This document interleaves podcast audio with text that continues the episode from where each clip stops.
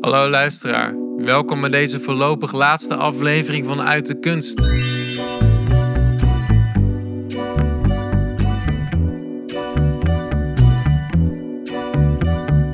Deze serie, die mede mogelijk is gemaakt door Galerie Bart, gaan we eindigen met iemand die heel helder spreekt over het leven en de keuzes die ze daarin maakt. Ze begon pas op latere leeftijd, na bijna 20 jaar als jurist te hebben gewerkt, als kunstenaar. Uit het niets. En ze werd er ook nog eens vrij succesvol in. Dit gesprek gaat over hoe dat zich ontvouwde, maar tegelijkertijd ook over hoe jij dit zelf kan. Kunstenaar worden. Of bakker, als je dat liever wilt. Dit door simpelweg de ruimte te geven aan wat jou inspireert en dat maar gewoon te blijven volgen. Het tweede gedeelte van het gesprek gaat over haar nieuwste project, waarin ze aan de hand van het privé fotoarchief van haar vader op zoek gaat naar wat het nu eigenlijk is, dat leven. Ze komt in dat archief ook zelf portretten tegen van haar vader, waarvan ze nooit had verwacht dat hij die zou maken. Naast mij is ook aangeschoven Christa Jongsma, art producer van de galerie en tevens ook mijn schoonzus. Maar ook nu, voordat we ons voor een laatste keer onderdompelen, beginnen we nog één keer bij het begin. Want waarom heeft een mens überhaupt kunst nodig? Dames en heren, hier is Janne-Marijn Renaud.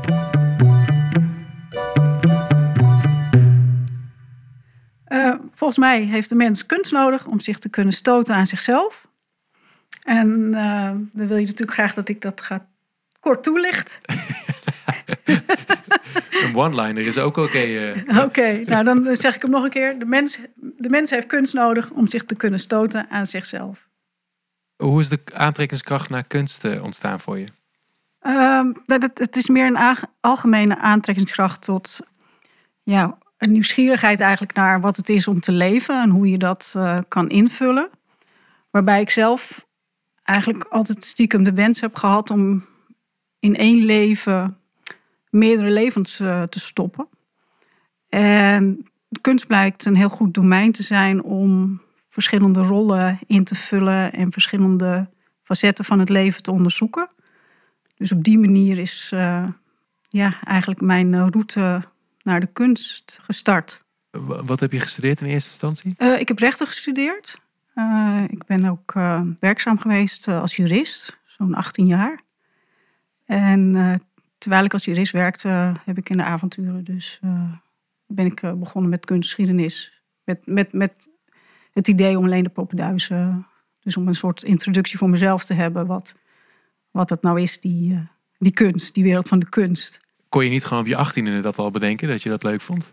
Dat had ik kunnen bedenken, maar dat heeft denk ik ook te maken met in hoeverre je, als je jong bent, in aanraking komt met kunst of met uh, een manier van denken die de vrijheid geeft om überhaupt ja, je, te kunnen verhouden tot kunst of tot een andere manier van het invullen van, van leven, zeg maar. Ik ben heel erg, uh, ik kom uit een milieu waarin toch wel heel erg nadruk werd gelegd op het, uh, ja, op het, op het studeren, op het gaan werken, op een goede baan, op een goed pensioen. En dat is natuurlijk ook belangrijk. En daar valt zeker iets voor te zeggen. Maar ik denk, en dat vind ik het mooie aan, in, in, dat is vooral een heel westers uh, uh, gedachte en een westerse mogelijkheid, dat je, dat je de vrijheid ook kan nemen om op een andere manier je leven in te vullen. En zeker ook als vrouw. Dus dat, uh, heeft mij uiteindelijk wel gemotiveerd om, uh, om de overstap te maken van een uh, veilige baan. Met een, uh, ja, een interessante en een leuke baan ook. En dan de overstap te maken naar ja, wat weerbarst, weerbarstige praktijk als kunstenaar. Was dat een makkelijke overgang? Of ik kan me voorstellen dat dat. Ja, het, is, het zijn twee zo uiteenlopende werelden. Hoe ging dat? Uiteindelijk is het. Uh, de ontwikkeling is geleidelijk gegaan, maar de uiteindelijke keuze is dan wel heel abrupt. Dus de, de, ik, ik ben uiteindelijk naast mijn werk van uh, de theorie van de kunstgeschiedenis. Uh, na een aantal jaar pauze ben ik uh, op zaterdag begonnen met de Rietveld Academie. En van daaruit is de interesse ontstaan om daarmee door te gaan en de avondopleiding te gaan volgen. En uh, ik, heb, ik heb daar ook de tijd voor genomen. Ook om praktische dingen te regelen. Uh, want het is toch wel lastig om zomaar uit je baan te stappen, omdat je dan een, je hebt ook een andere levensstijl, je hebt andere verplichtingen. Uh, en wat ik nog het meest lastig vond eigenlijk toen ik mijn opleiding, opleiding deed aan de Rietveld Academie, is dat ik, dat ik heel erg moest afkicken van het uh, om half zeven opstaan en ja, lange dagen maken. ik maakte toen ook lange dagen. Maar ik, mis, ik, ik heb heel veel moeite, moeite gehad om die structuur. Ehm, ja, dat, dat voelde als een gemis, zeg maar. Ja, ja, ik kan me voorstellen. Nu moet je het natuurlijk zelf maken, vooral. Ja, dan moet je zelf. Um, er, er, is niemand die je op de. Vooral tijdens een opleiding is, is, is het. Is het ja, kom je gewoon in hele lastige situaties dat je je ook realiseert dat het misschien niet kan lukken. En wat zou dan niet kunnen lukken? Dat je toch niet uh, uh, in staat bent om die vorm van uitdrukken te, te, te, vinden. Ja, waarnaar je op zoek bent of waar, waarvan je een idee hebt dat een, een vaag idee hebt dat er een wereld moet zijn die jij wil laten zien, maar dat je nog niet bij die wereld kan, zeg maar. Dat, dat, dat is voor ieder anders. Uh, dat is wat in mijn geval heel erg aanwezig was. Dat ik uh, een voorgevoel had wat ik, wat ik zocht. Uh, maar dat ik dat niet kon duiden en dat ik het ook nog nooit had gezien. Ja. Dus je manifesteerde jezelf nog niet uh, als kunstenaar, als beginnend kunstenaar, voordat je die opleiding had gedaan?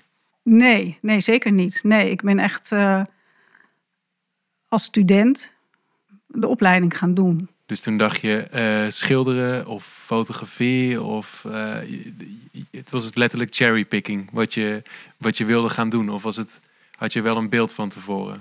Ik wilde heel specifiek fotografie gaan doen. Ja, ja omdat uh, fotografie voor mij het meest weerbarstige medium is, omdat het overal is. Tegelijkertijd is fotografie ook juist een medium waar heel veel ruimte is. En die ruimte, uh, daarbinnen heb ik gezocht naar een eigen beeldtaal. Maar als je dan de opleiding doet, ja, dan ja, dat, dan moet je toch wel een aantal keer over de kop voordat je, dat je begrijpt dat zo'n beeldtaal moet groeien. Dat is niet iets wat je, wat je maakt of zo. Dat is iets wat, wat een proces is. En dat is denk ik het mooie aan kunst, dat uiteindelijk kunstobjecten, uh, kunstuitingen, dat het het resultaat is van een proces. En dat het daarom een bepaalde rijkdom heeft. Ja, want je, je, je zegt proces. Wat zeiden jouw uh, leraren over de eerste werken die je had gemaakt? De eerste scans uh, bedoel je? Ja. Uh, de eerste scan die ik uh, heb laten zien, dat was echt een, een noodgeval, zeg maar. Ik, ik, wist al een aantal weken dat ik een afspraak had met mijn docent Paul Koiker. En die is nou, heel helder in of hij je werk wat vindt of niet. En dat is heel goed, dat waardeer ik enorm. Maar dat is ook vrij angstig. Want ja, als het niet goed is, hoe moet je dan verder? Ik, ik wist dat ik op zoek was naar het vastleggen van tijd. Dus uiteindelijk heb ik in paniek een cadeaupapiertje dat nog op mijn bureau lag, heb ik op de scanner lichtelijk heen en weer bewogen. Dat heb ik uitgeprint. En dat heb ik de volgende dag besproken. En uh, mijn docent zei, nou, wat leuk, dat lijkt wel een ingepakte foto. Ga hier maar mee verder. En dat is eigenlijk het, uh, het prille begin. Dus het was een approval? Dat was een approval, ja. En vond je het, zelf, vond je het een geslaagd werk? Als ik nu terugkijk, vind ik het, begrijp ik beter dat, ja, dat, dat ik de approval uh, kreeg op dat moment. Terwijl op dat moment was ik, wist ik helemaal niet.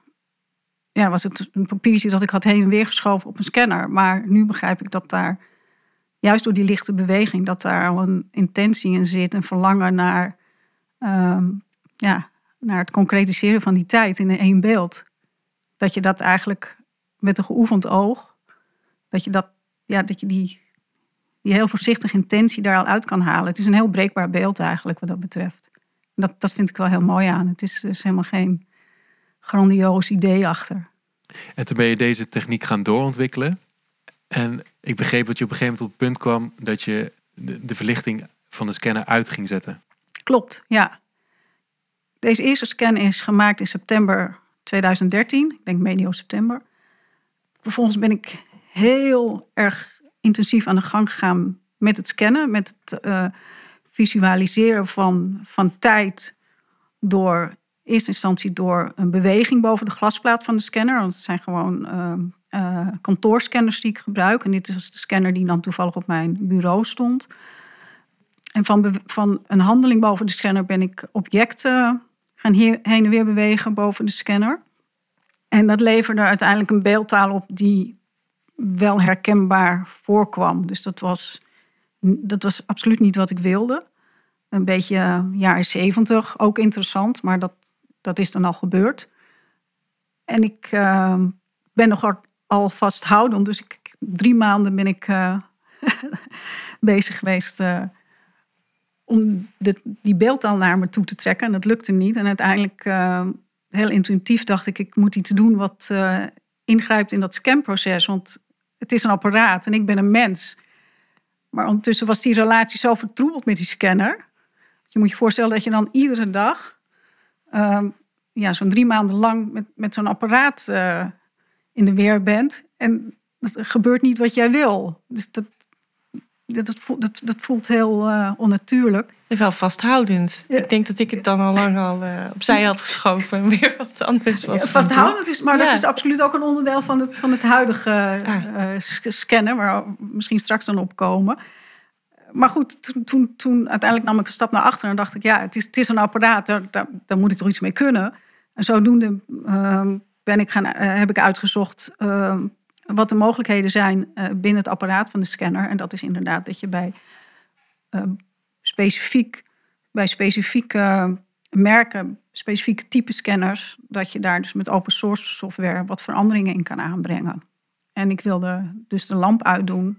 Eigenlijk uh, zet je de scanner dan buitenspel. Wat weer heel onhandig is, want dan, dan kan je er niks meer mee. Dus vervolgens ben ik weer gaan werken met een lamp erboven. Totdat ik me realiseerde, ja, maar dit, dit uh, is ook niet wat ik wil. En uh, tot ik op een avond aan, uh, aan tafel zat met de scanner nog naast me en de computer. En het buiten waaide. En ik in mijn herinnering onweerde het, maar dat kan ik er nu bij, misschien bij verzinnen. In ieder geval, toen heb ik de scanner buiten gezet. In een onbewaakt ogenblik. En uh, toen ik de scanner binnenhaalde en het uh, bestand op mijn computer bekeek, uh, ja, toen besefte ik me opeens van hé, hey, daar, daar zit een wereld in dat apparaat. Want ik kreeg een, ik kreeg een, een beeld terug dat geel was met oranje lijnen aan de zijkant. En tijdens het scannen was door de wind de klep dichtgewaaid van de scanner die ik weer snel heb open gedaan. Maar toen moest ik wel van achter de tafel van binnen naar buiten rennen. En dat leverde een zwarte, uh, horizontale, uh, grillige, ja, bijna getekende lijn op. En dat vond ik heel interessant. Die uh, details die eigenlijk al in het uh, beeld, beeld, zaten. Dus een geel oppervlak met een grillige zwarte lijn. En dat, dat, dat deed mij vermoeden dat er dat daar een wereld ontdekken was. We zijn, uh, wij waren natuurlijk ook ongelooflijk benieuwd naar hoe de proces, uh, hoe de proces tot stand komt. Dus we hebben opnames gemaakt van jou aan het werk. Hier gewoon in de achtertuin van uh, Galerie Bart, waar we vandaag zitten. Um, laten we er even naar gaan luisteren. Ja, het duurt wel even hoor. Ik moet even anders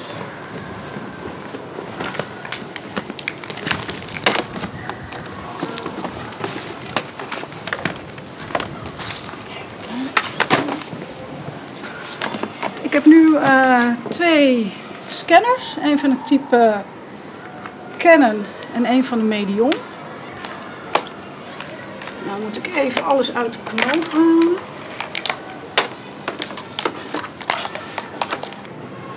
Ik vind het wel mooi passend dat het ook echt kantoorachtige type... Ja, ja het is echt alsof je kantoor naar buiten laptops zijn. Dat past wel mooi bij de scanners. Uh. is, het zijn ook echte kantoorcomputers. Door uh, computermannen gebruikt. Het zijn echte computer-computer uh, computers, zeg maar. Even kijken. Nou heb ik, dus is, het, letterlijk een kantoortuin? ja. Nou, dat is denk ik ook wel het, uh, het grappige natuurlijk aan mijn werk. Is dat ik niet alleen kantoorapparaten naar buiten heb gehaald, maar letterlijk ook mezelf. Oh ja. Ik zat natuurlijk eerst zelf op een kantoor. En dat realiseerde ik me eigenlijk pas zelf. Dat er heel erg die wens was om uh, naar buiten te gaan, het verlangen. Dat ik, daar, ja, dat ik me binnen gevangen voelde. Wat ik zo charmant vind aan die scanners is dat ze. Ze zijn heel erg van goede wil, zeg maar. Dus ik heb ook die scanners dat ik ze in de regen zet. En dat het dan echt in het water in de scanner komt. Maar dat die scanners gaan toch door en maken dan zelfs nog een beeld met, uh, met de enorme plas water die op, dat, op die glasplaat ligt. die loopt nu. Jezus.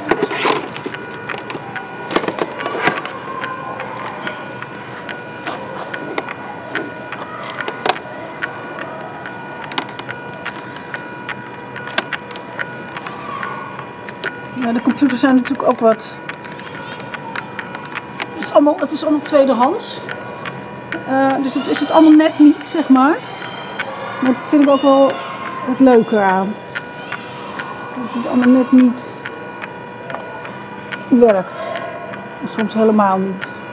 De ene scanner is nu al een minuut of drie, vier bezig, zo lijkt. Ja. Is dat iets, want als ik een papiertje scan, dan is het binnen 10 seconden klaar, maar hier dus niet. Is dat ook iets wat je hebt ingesteld? Ja, ik heb hier. Uh, het is nog een voordeel van scanners, dat je heel makkelijk de tijd uh, kan instellen. Dat kan, en dat doe ik met uh, het aantal dpi. Oh ja. Dus dat is de resolutie waarop je scant. Dus dit is waarschijnlijk de hoogst mogelijke resolutie? Dit is de hoogst mogelijke, mogelijk en dat is 19 minuten voor deze scanner, voor de medium. Oh. Terwijl deze, die Canon, gaat op 2400 dpi en die gaat dan 8 minuten. Ja. Dit is, en de Medion is dat is natuurlijk dat is een, dat is een oudere dame dan. Dit is een meer moderne versie.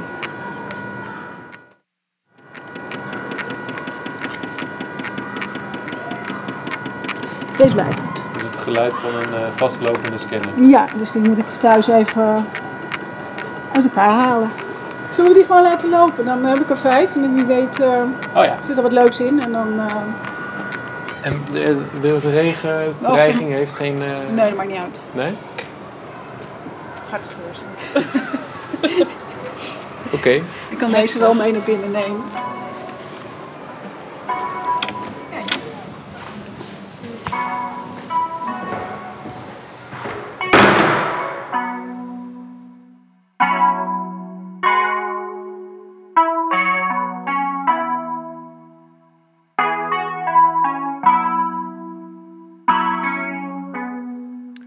Deze opname uit de tuin van de galerie maakten we voorafgaand aan het interview.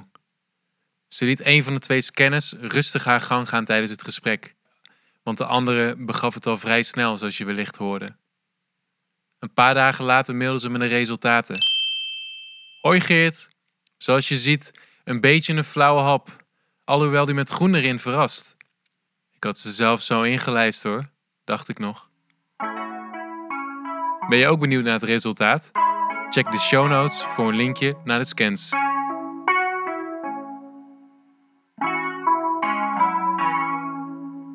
Met haar werk van de scanners viel Janne Marijn al snel op. Ze heeft onder andere geëxposeerd in het Nederlands Fotomuseum te Rotterdam, op de Unseen Photo Fair en uiteraard ook in Galerie Bart. Maar ze later dit jaar ook weer een solo zal doen. Terug naar het gesprek. Heb je het gevoel gehad dat, jou, uh, dat jij anderen hebt geïnspireerd om datzelfde te gaan doen? Dus dat, dat mensen jouw verhaal hoorden en dat ze dachten, nou, laat ik dit als setje gebruiken om, uh, om het ook anders te gaan doen? Over het algemeen zijn mensen altijd, zijn eigenlijk altijd positief. Ik vind het alleen maar hartstikke leuk als je, als je dat, uh, als het, ja, het levensverhaal, als ik het levensverhaal bij vertel. Um, ik weet wel dat er iemand is die ik direct geïnspireerd heb. Maar hoe, hoe dat nou precies uiteindelijk in, in, in haar werk is gegaan, dat, dat, dat, dat, ja, dat vind ik moeilijk om. Uh, ik, ik heb in ieder geval geen fanmail of zo van. Uh, dankjewel, uh, ik, ik heb nu mijn baan opgezegd en ik ben bakker geworden of zo. Dat niet. Maar, maar goed, het, zie, dat, dat, het grappige is, nu ik dat voorbeeld noem, dat er inderdaad in Edam een bakkerij is geopend. Mensen die ook eerst op kantoor werkten. En dachten, we kunnen geen goed brood krijgen. Nou, dan gaan we het zelf bakken. En wat is de, wat is de reden dat sommigen er toch aan vasthouden? Dat ze niet die kans grijpen, terwijl die wel voor het oprapen ligt? Het, het uit een bestaande structuur breken is wel lastig. Dat is, dat is echt lastig, want je, je, je, eh, ten eerste leef je op een bepaalde manier. En op een gegeven moment ehm, valt het ook samen met wie je bent. En dat, en, en dat is verwarrend, want, want uh, ja, je werk is natuurlijk niet wat je bent. Ik heb zelf geen kinderen, maar het hebben van kinderen is ook niet wie je bent. Dus dat, maar soms is, wordt die marge daardoor wel klein om, um, ja, om ook van richting te veranderen. Dus het, er moet ook moet natuurlijk ruimte zijn, er moet, moet ook financiële ruimte zijn. Uh, maar uiteindelijk die financiële ruimte is ook wel interessant. Is het dan iets wat je dan uh, bewust uh, jarenlang voor hebt gespaard? Of heb je gewoon gezegd, ik ga het gewoon doen en ik kijk al waar het schip strandt? Ik heb niet bewust gespaard. Ik heb twee jaar genomen om ja, zeg maar, van richting te veranderen. Dus om mijn, mijn, zaak op orde te krijgen.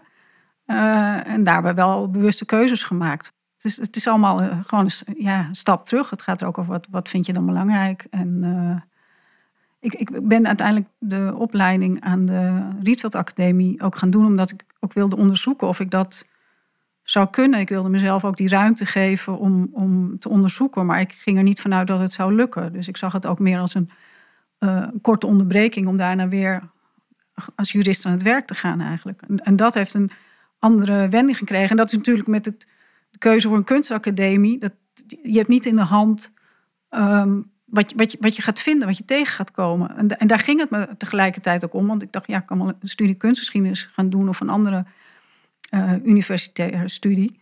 Maar ik wilde juist gaan kijken of ik iets zou kunnen doen waar ik, um, ja, dat toch een beetje ook toch samenvalt met wie je bent. Dat, dat minder te maken heeft met, met leren, maar meer met begrijpen. Begrijpen hoe je ja, hoe je in het leven staat en hoe je daartoe verhoudt. En ja, wat je daar misschien uh, aan toe kan voegen. Je, je, had ook verteld dat je een tijdje ziek bent geweest. Is dat nog van invloed geweest op, op dit, dit carrièrepad wat zich op een gegeven moment voor, voor jou heeft weggelegd? Dat ik ziek ben geweest heeft wel invloed gehad op dat ik normaal uh, de studie kunstgeschiedenis wel zou hebben afgerond. Ik ben iemand die toch wel heel erg gelooft in het afronden van een traject wat je dan begint maar dat, dat ging niet meer doordat ik uh, zware chemo heb gehad. En uh, ja, dat, dan de eerste paar jaar is dat uh, lastig wat betreft het opnemen van informatie. In ieder geval in mijn geval. En toen dacht ik, nou, dan begin ik weer waar ik ben gestopt. En dat was de zaterdagopleiding van de Rietveld Academie. Ja, we kennen jou vooral van je scans. Maar dit jaar, ik denk dat het dit jaar was, kwam je ineens met eh, een compleet andere serie werk. Zou je daar wat over willen vertellen? In de scanners gebeurt alles in het apparaat. Dus ik had, ik had een uh, jaloezie eigenlijk op de scanners, wat daar gebeurde. En uh, kon me daar tegelijkertijd moeilijk van losmaken, omdat de resultaten die uit die scanners komen, ja, die zijn gewoon heel powerful. En uh, dat voelde, het voelde moeilijk voor mij om de stap te nemen om daarvan los te maken. En zo, met die vraag ben ik uh, bij het Frank Moore Instituut gekomen in Groningen. Bij de afdeling schilderen. Van, ja, het was eigenlijk een hulpvraag om los te komen van het werken met de scanners. Dus ik ben in die tijd ook naar Groningen verhuisd. Heb de scanners ook bewust thuis gelaten. En daar liep ik aan tegen, ja, tegen, tegen eh, de beperkingen die mijn ziekte met zich mee heeft gebracht. Uh, zoals uh, concentratieverlies, het niet kunnen vinden van het juiste woord, lastig soms om volledige zinnen te formuleren, uitputtingsklachten. En van daaruit vroeg ik me eigenlijk af, ja, wat, wat is dat leven? Wat maakt het nou eigenlijk eh, zinvol om iedere dag op te staan? En vooral zelf heb ik dan vaak te maken dat ik vermoeid wakker word. En uh, wat is dat dan het leven? En, en hoe doe je dat? En ik realiseerde me eigenlijk dat het ja, dat niemand je dat vertelt. Ja, dat ik eigenlijk geen benul had wat het is, dat leven. En dan ook weer de bredere vraag van wat, wat laat je achter? Wat je dan achterlaat, dat is dan weer onderwerp van interpretatie. En hoe verhoudt zich dat dan tot elkaar? Dat vond ik. Uh, ja, daar was, daar was ik in uh, december vorig jaar, uh, of in december, december 2019 mee bezig. En dat viel eigenlijk samen met uh, de opname van mijn vader in het verzorgingshuis.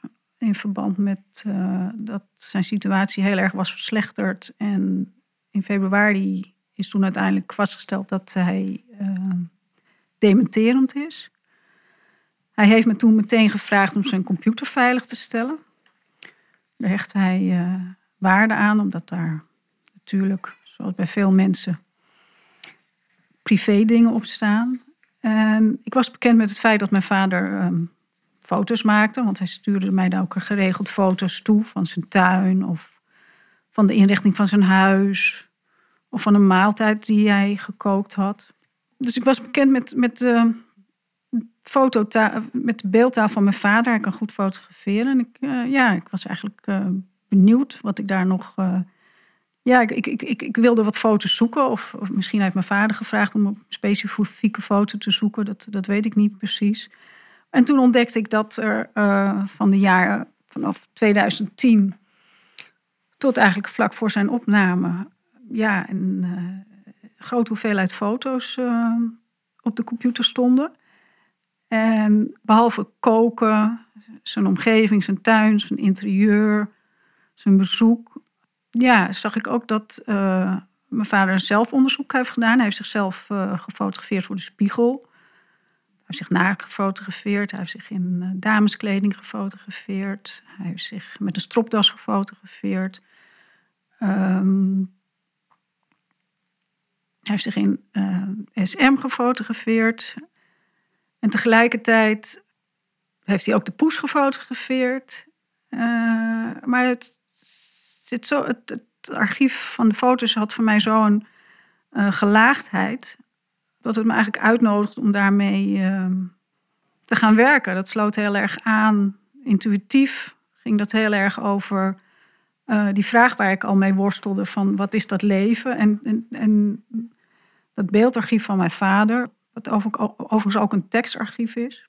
Dat, dat gaf voor mij heel erg uh, de impressie van een leven aan. Dus hoe, hoe, je, ja, hoe een leven kan zijn. En dit is duidelijk het leven van een man alleen. En die uh, ja, heel onderzoekend in het leven staat. Die belangstelling heeft voor zijn omgeving. Die belangstelling heeft voor zijn tuin. Die belangstelling heeft voor de natuur. Uh, maar die ook, ook, ook een duidelijk dus een oudere man die um, ja, komt uit het uh, uh, ja, dat, dat, dat beklemmende milieu van voor de oorlog. En uh, die in de jaren 50 eh, ja, hard werkt om zijn zaak op te bouwen. En nu een soort van zelfonderzoek. zoals, ja, zo, zo zie ik dat. Een soort van, van, van, van ja, wat, wat ben ik nou eigenlijk? Ja. Um, ja, dat, dat, dat, vind ik heel inspirerend. Hoe je, hoe je, dat je die vrijheid neemt. Uh, en dat het dus verder gaat dan jezelf alleen naakt voor de spiegel uh, te fotograferen. Maar dat je ja, ja, dus ook, uh, ja, je ook op een andere manier kleedt. En dat je dat veelvuldig doet. En dat je dat op een heel intieme manier doet. Want mijn vader heeft dan bijvoorbeeld een jurk aan en dan met sloffen eronder. Ik was wel benieuwd naar dat moment dat je die computer opstartte en die foto's ging bekijken. Wat voelde je toen je die foto's zag? Ik, ik vond het vooral intiem en emotioneel, maar ook heel bewonderenswaardig dat hij dat, heel, uh, dat, hij dat heeft gedaan op deze leeftijd. En daardoor ben ik eigenlijk dichter bij mijn vader komen staan, denk ik. Omdat ik beter begrijp de beklemming van het milieu waar hij. Dat je dat namelijk nu pas doet, zegt iets over wat je al die jaren hebt meegedragen en niet hebt kunnen doen, denk ik. Ik vond het vooral heel positief. Maar daarnaast, ja, er staan gewoon ook hele grappige foto's bij. Dus dat, dat het is, het is, ik heb ook, het valt ook heel veel te lachen gewoon. En eh, heb je het hier nog met hem eh, over gehad? Ja, zeker. Ja, ja, ik heb mijn vader een aantal eh, werken laten zien. Maar ook dat jij die foto's had gezien? Ja, ja, ja ik, ik bouw dat wel op. Maar hij, vindt, eh, dat, hij kan zich niet herinneren dat hij de foto's heeft gemaakt. Eh, maar hij vindt ze wel erg goed. Gelukkig. en hij herkent ook zichzelf. En mijn vader is, is nog heel helder hoor. Hij heeft, eh, het is vooral het korte termijn geheugen. Eh, dus hij weet niet meer wat eh, voor of na het middageten is. Of wat het middageten is geweest. Maar hij is nog heel helder. Hij schrijft ook nog stukjes voor de huiskrant. En hij weet, als ik hem dit dan uitleg... dan weet, dan weet hij ook dat hij dat zelf is. Maar hij kan niet terug naar dat mom- moment. Of misschien wil hij dat moment ook niet met mij delen. Vreemd genoeg, het, het- hij wordt heel erg blij als ik dan die werken laat zien. Eh, maar hij begrijpt het ook goed. Hij begrijpt goed de materialiteit en, ehm, en eh, ja, wat ik zoek in, die, eh, in het werken met de lagen. Dus dat, is- dat is wel grappig.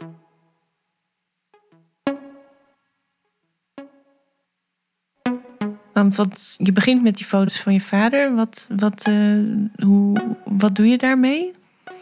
Ja, zo, ja ik, nou, ik, ik- het is helemaal niet mijn intentie om daar iets mee te doen. Ehm, maar ik, ik, ik, ik, ik zie de printer als mijn kwast. Ik zit nu natuurlijk bij de afdeling eh, schilderen. En toch heb jij weer een, eh, een eigen eh, apparaat meegenomen of gevonden. of ja, weer een zie- hele andere invulling dan Ja, schilderen. een andere invulling. Ja. Ja, ja. En, en ehm, daarom gebruik ik ook Canvas. En ik, ja, ik, ik ga vrij intuïtief het proces aan, eigenlijk met het materiaal. En tegelijkertijd heb ik dan dat, dat groeiende archief van mijn vader. Dat ik eh, steeds meer ontdek in dat archief. Dat op de een of andere manier dan een weg krijgt, of een plek krijgt op die canvassen. Voor mij gaat het heel erg over dat, dat ik nu zelf, nu daadwerkelijk werkelijk mijn handschrift ook mee ga doen in het, in het werk dat ik maak. Je, je, gebruikt, je noemde onder andere dat je canvas eh, gebruikt. In plaats van fotopapier. Loopt zo'n printer dan niet vast? ja, die printer loopt vast. Eh, Wat gebeurt er dan? dan, moet je, moet je- dan moet- dan moet- dan moet je de, de papierhendel eh, loshalen. En dan het, eh, eh, even een beetje loswrikken. En, eh, eh, maar het printer kan veel hebben. Ik kan, eh, eh, het, het belangrijkste is natuurlijk dat de printer het blijft doen. Maar ik zoek wel naar, naar het raakvlak dat de printer mee gaat doen. Dus dat ik het... eh, eh, da- daar zit toch wel mijn interesse. Dat, dat eh, de beeldtaal van het apparaat mij weer uitdaagt om te reageren. Dus dat dat een soort van samenwerking is. En daar zoek ik natuurlijk wel de grenzen in op. Eh, maar dat kan ook een heel dun papier zijn, terwijl je dan ehm, bijvoorbeeld de zuigkracht van de printer heel hoog zet, waardoor je ook weer, hè, waardoor dat ook weer een probleem kan opleveren. Dus het hoeft niet per se heel, heel dik, weer, weerbarstig materiaal te zijn. Dat, dat kan je mee spelen. En eh, ik heb twee printers staan waarvan de ene printer het wat zwaarder te verduren heeft dan de ander. Toen ik je het woord probleem hoor- hoorde zeggen, zag ik ook een glinstering in je ogen. dat is waar je naar op zoek bent, toch? De problemen, ja, Ja. ja, ja, ja, ja, ja, ja. Niet, niet. Het vreemde is dat, het, dat ik een bepaalde naïeve werkhouding heb. Dus dat ik uiteindelijk vind ik dat ik materiaal heb en dan vind ik dat daar iets op geprint moet worden. Eh, en dan loopt de printer natuurlijk soms vast, maar dan, dan is dat toch altijd weer een soort van onverwacht. En dan, dan moet ik me daar weer overheen zetten. Dus dan moet ik daar weer op reageren. Dus het, het, zit, het zit wel heel erg in die werkpraktijk. Maar tegelijkertijd dan, eh, zoals we net ook buiten hadden met de, scanner, die het dus duidelijk eh, heeft opgegeven. Ehm, ja, dat, dat, dat komt gewoon veel voor in mijn praktijk. Maar iedere keer is het weer een verrassing. Dus dat is, eh, ja, dat is voor mij ook raadselachtig hoe dat werkt. Nou, dan zijn we aangekomen bij de vaste rubrieken van deze podcast. Ehm, we zijn namelijk heel benieuwd welke instelling of kunstenaar of instantie jij graag zou willen omlijsten. Daar heb ik, uh, het vind ik een hele leuke vraag. Daar heb ik uh, niet lang over na hoeven denken. Het zijn de uh, dames, de jonge dames moet ik zeggen, van Ever Emerging Magazine. Dat is een online platform dat aandacht vestigt op de marginale positie van vrouwelijke kunstenaars in het algemeen. En in het bijzonder dames van 45 plus tot 100. Ik heb alleen een kleine tip. Maak het leeftijdsloos en stop de stereotypering. Ja, heel fijn dat dit uh, initiatief er is. Ja, ga zo door.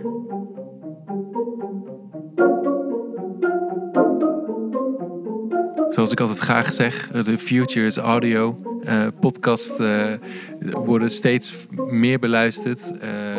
audio heeft de toekomst als je het mij vraagt. Vandaar dat, ik, dat we het leuk vonden om elke gast de, de uitdaging te geven om een audiofragment mee te nemen. Dus ik was benieuwd, is het gelukt? ja, zeker gelukt. Ik heb de podcast Stay Free, Story of the Clash, gepresenteerd door Chuck D. Ja, ik zou zeggen, ga luisteren en enjoy. En waarom zouden wij deze moeten gaan luisteren? Ja, het is, zo, het is zo'n rijk... het is eigenlijk het archief van muziekgeschiedenis en de uh, verschillende facetten van muziek in één, in één band, zou je kunnen zeggen. De Clash heeft zoveel muziekstijlen gemaakt, zoveel verschillende. reggae, punk, funk. Ja, blijf flexibel zou ik zeggen. Het is ja, een superleuke podcast. Superleuk om te horen vertellen over hoe je vrijheid kan nemen.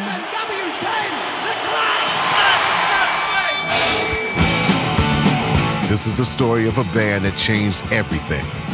We ain't doing this just to be a little part of history, right? We want to blitzkrieg the world and stomp everyone. Band that turned punk into protest. If there's anything going to be in the future, it's got to be from all parts of everything, not just one white way down the middle of the road. And taught us to fight for what really matters and to do it loud as hell. Would you try to incite an audience to riot? Of course. We try it every night. The band that burned so brightly they had to burn out, and how their light lives on today. This is Stay Free, the story of the Clash. It off. We've still got another song to do, yeah? Nou, met deze fijne tip zijn we aan het einde gekomen van de laatste aflevering van uh, Uit de Kunst. Christa, bedankt uh, voor het aanschuiven hier. Jan en Marijn, uiteraard ook uh, vriendelijk dank voor je mooie, mooie verhaal en je inspirerende woorden. Uh, ik ben blij dat je hier uh, wilde aanschuiven. Nou, geen dank. Graag gedaan. Vond het hartstikke leuk. Oké. Okay. Doeg. Doeg.